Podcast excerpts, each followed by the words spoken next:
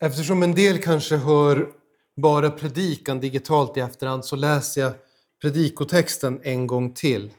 Det är alltså Romarbrevet kapitel 15 om verserna 4 till och med 13.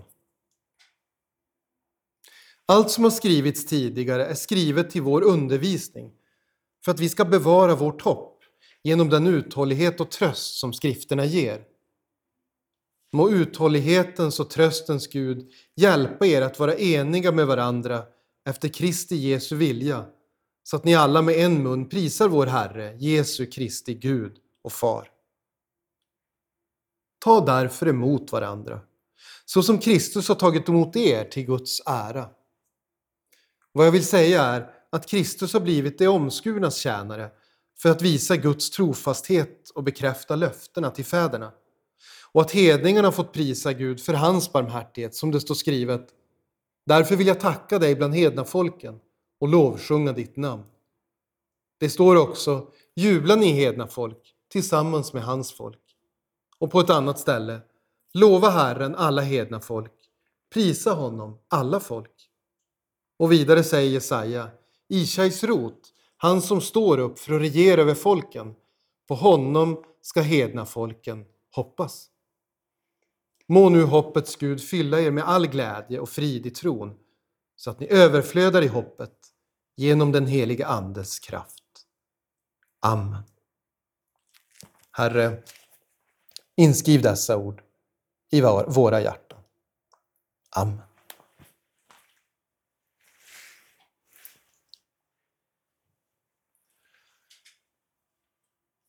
Hur många av er som är här har hållit på med någon typ av uthållighetsträning?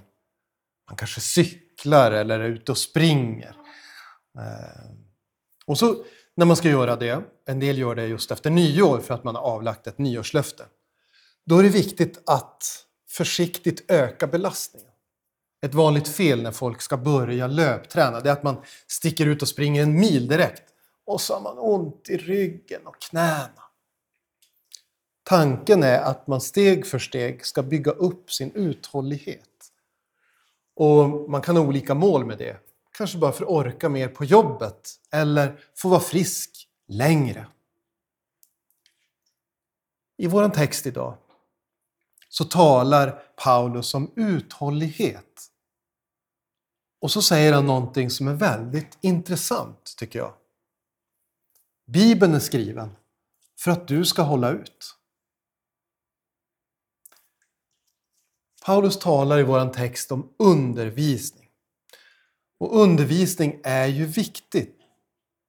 Undervisning i samhället är tänkt som en förberedelse för barn, eller ungdomar eller unga vuxna. Man vill att de ska få med sig saker de behöver i livet. Och då har vi tänkt att läsning, det är viktigt. Och skriva lite grann, det är viktigt. Och så behöver man kunna räkna om man ska klara sig i samhället. Vi vill förbereda barnen för livet där ute. Bibeln innehåller också mycket undervisning. Saker som den kristne behöver för det kristna livet. Vi behöver lära oss att se våran synd. Vårat behov av en frälsare. För det kan vi inte av oss själva. Vi kan se kanske att vi gör fel ibland. Men vad Gud egentligen kräver och att vi behöver hjälp, det behöver vi biblisk undervisning för att förstå. Därför har vi barnundervisning. Vi behöver också lära oss var vi ska söka förlåtelse. Vart går jag för att finna förlåtelse? Om jag nu ser min synd. Jag går till Jesus. Därför har vi barnundervisning. För att de ska få lära sig vart jag ska gå när jag ser mina egna krafter är otillräckliga. Eller jag är orolig över framtiden. Tänk om mamma eller pappa blir sjuka.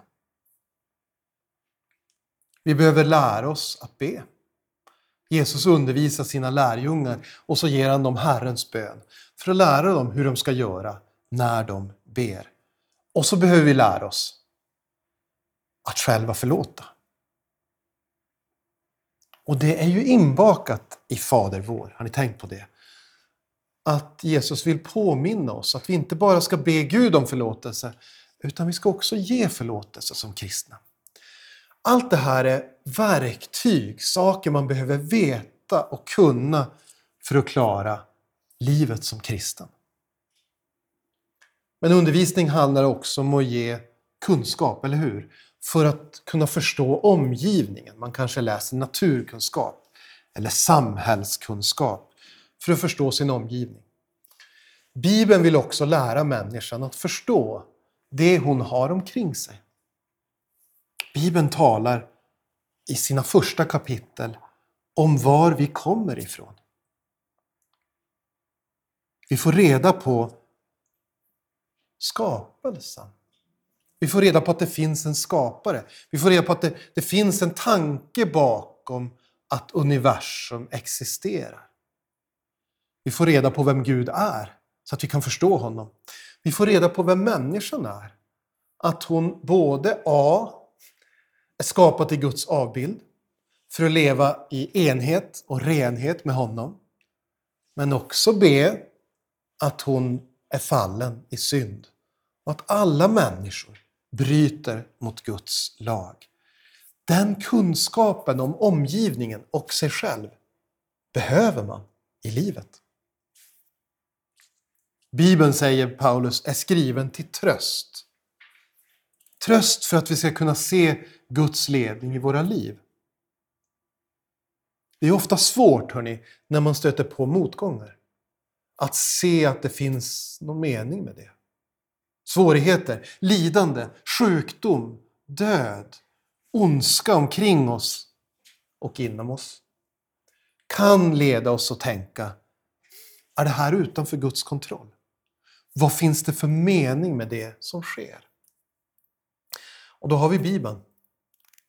Vi får inte alltid ett svar på exakt varför exakt det här händer, exakt mig, exakt nu. Men vi kan läsa om Josef. Vi kan läsa om Josef som förråddes av sina bröder och såldes som slav till Egypten. Och måste ha tänkt, vad, vad är poängen med det här? Varför ska det här drabba mig? Det är så orättvist. Och så får vi läsa om hur Josef fång, Josefs slaveri i Egypten blir till välsignelse för hans familj, för löftets folk som Gud har utsett och för många andra också i det egyptiska riket. Tack vare Josef undkom många svältdöden. Det fanns en plan. Men det måste ha varit svårt för Josef att se när han gick där i ledet med de andra slavarna. Eller hur? Vi kan tänka oss att de tidiga kristna, när de utsattes för förföljelse i Jerusalem och till och med kördes ut ur den heliga staden, tänkte det här kan väl inte vara Guds vilja? Guds vilja borde väl vara att vi får stanna i Jerusalem och predika evangelium här där templet finns. Dit människor kommer för att fira högtider. Och så fick de påminna varandra och sig själva. Nej, men Jesus sa ju att just det här skulle hända.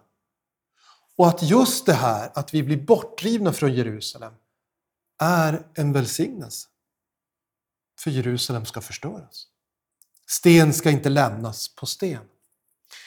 Guds ord är skrivet till tröst för att vi ska se att Gud är närvarande. Guds rike är nära. Varje dag i våra liv. Vi får hämta tröst ur Bibelns exempel på Guds trofasthet. Paulus vill understryka det i vår text idag.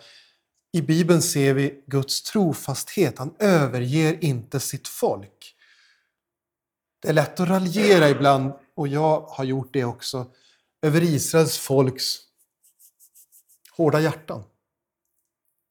Hur många välsignelser de får. Hur mycket Gud lyfter upp dem och visar sin kärlek till dem och att de ändå tvivlar och tvekar. Men vi är ju väldigt lika israeliterna. Det går att le åt beskrivningar när de har kommit undan slaveriet, det grymma slaveriet i Egypten och så sitter de runt lägerelden och så säger de Ja, vi saknar Egypten. Alltså, kommer ni ihåg vi fick köttgryta ibland? och fisk och lök. Och, kommer ni ihåg vitlöken? Åh, purjolöken! Åh, vad god den var. Det är lätt att raljera över det. Men i deras exempel ser vi Guds trofasthet. Och den är trösterik. Därför att många gånger har vi varit precis så där otacksamma som israeliterna. Gud gav inte upp på Israels folk. Och Gud ger inte upp när det gäller oss. Han håller fast vid oss även när vi själva inte orkar hålla fast vid honom. Bibeln är skriven för att skapa gemenskap. Guds ord skapar enhet. Den helige Ande väcker tro i människors hjärtan så att de tror på det de innan inte kunde tro. Och så att de förstår det som tidigare var dolt för dem. I tron så uppstår en ny gemenskap. Just precis vi hade inte samlats här utan den heliga Ande. Då hade vi gjort något annat på söndagarna med andra människor. Guds ord för människor samman, även här på jorden. Och det gör Gud för att vi behöver varandra. När han såg på Adam så sa han det är inte gott för mannen att vara ensam. Och då handlar det om äktenskapet, det är något annat. Men när han ser på den enskilda kristna så säger han också det är inte gott för en kristen att vara ensam. Hon behöver gemenskap. Och Guds ord är till för att föra oss tillsammans och ge oss den här gemenskapen. Kristi ankomst bekräftar de här löftena som gavs till folket, till profeterna, gång efter gång. I dig ska alla folk bli välsignade, läser vi första Mosebok. I dig ska alla folk bli välsignade. Abraham blev kallad med ett märkligt löfte. Och Paulus återknyter till det löftet i vår text idag. Det var ju sagt, inte bara Israels folk, utan alla folk skulle bli välsignade i Messias. Det märkliga löftet om att Davids son ska sitta på tronen för evigt, det går också i uppfyllelse genom Kristi ankomst.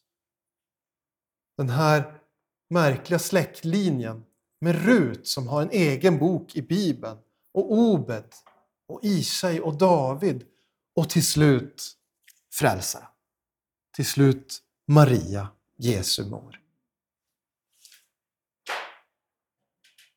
Profetiornas uppfyllelse, när vi läser dem, när vi kan se den röda tråden mellan det gamla testamentets första kapitel och det nya testamentets sista kapitel, då ger det oss kraft och uppmuntran. Mer än 300 profetier om Messias, om Jesus, har gått i uppfyllelse i Jesus, Davids son. Vi ser att Gud håller sina löften. En del av er kanske jobbar på en arbetsplats där man talar om kvalitetsarbete. Vi måste kvalitetssäkra verksamheten. Hur många procent av alla ärenden sköter vi på ett tillfredsställande sätt? i Gamla Testamentet finns varningar för profeter som har rätt ibland. Det står att en Herrens profet alltid har rätt. Om en Herrens profet förutsäger något, då är det från Gud och då går det alltid i uppfyllelse. Man skulle inte nöja sig med 90 procent, eller 80 eller 70. Eller en allmänt god kundnöjdhet utan man skulle ta avstånd ifrån den profet som någon gång hade fel. Varför det? Jo, för att Gud aldrig har fel och att Guds ord alltid går i uppfyllelse. Och det bekräftar att vi kan lita på hans ord. På grund av detta, säger Paulus, på grund av att Bibeln är till för vår uthållighets skull, att vi ska hålla ut. Och på grund av att Kristi ankomst har bekräftat alla löftena i Bibeln som handlar om Guds frälsning för syndare. Så säger Paulus, ta därför emot varandra. Välkomna andra som Jesus välkomnade dig. Han vill säga det. Gud kunde ju ha hållit frälsningen bara till Israels folk, som många tänkte sig att det skulle vara. Men han har ju välkomnat alla. Vem är då du att inte göra detsamma? Vilka är kyrkan till för? Den kristna kyrkan. Vilka är den till för? Den är till för syndare som behöver förlåtelse. Och vet ni vilka som passar in på den beskrivningen? Alla. Alla. Jesus fick ju mycket kritik för att han umgicks med människor som var föraktade av andra. Som inte hade gott anseende. Som inte hade någonting att erbjuda i gengäld kanske. Heller. Gör vi det? Tar vi till oss de människor som behöver det allra mest? Välkomnar vi alla? Det är en fråga som vi bör bära med oss. Ta dig an de som står dig nära. Ta dig an främlingen, men också den som står dig nära. Uppmuntra dina trossyskon. Förlåt dem som har sårat dig. Lägg saker åt sidan. Gå inte och bär, gå inte och bär på agg mot din medmänniska. Förmana där det behövs, men förlåt också. Och tala om Guds förlåtelse. Allt detta för att vi ska kunna hålla ut. För att vi ska kunna hålla ut. Jag kan väl säga så här, för att återanknyta till inledningen. Uthållighetsträning, det är jättetråkigt tycker jag.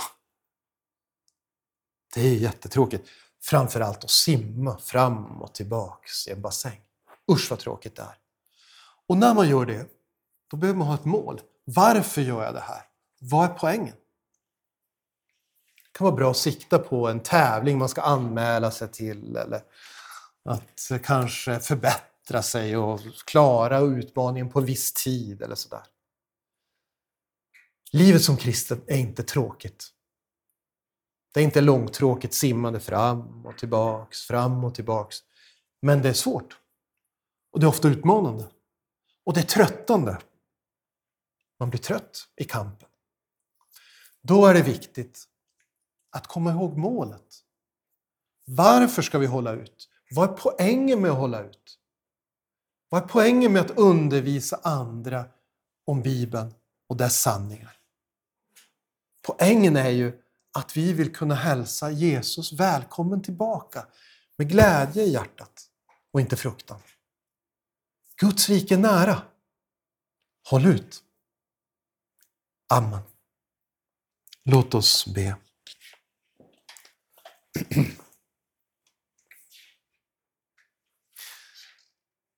Käre Herre. Du vet att vår uthållighet inte alltid är den det den borde vara. Vi har lätt för att vackla saker vi har bestämt oss för att göra. Ibland vacklar vi i tron också och tvivla på ditt ord. Hjälp oss, Herre. Ge oss uthållighet i tron. Ge oss trofasthet. Ge oss ännu mer kärlek att ta oss an vår nästa, både främlingen och våra systrar och bröder i tron. Hjälp oss, Herre, att med din kraft hålla ut. Vi ber i ditt namn. Amen.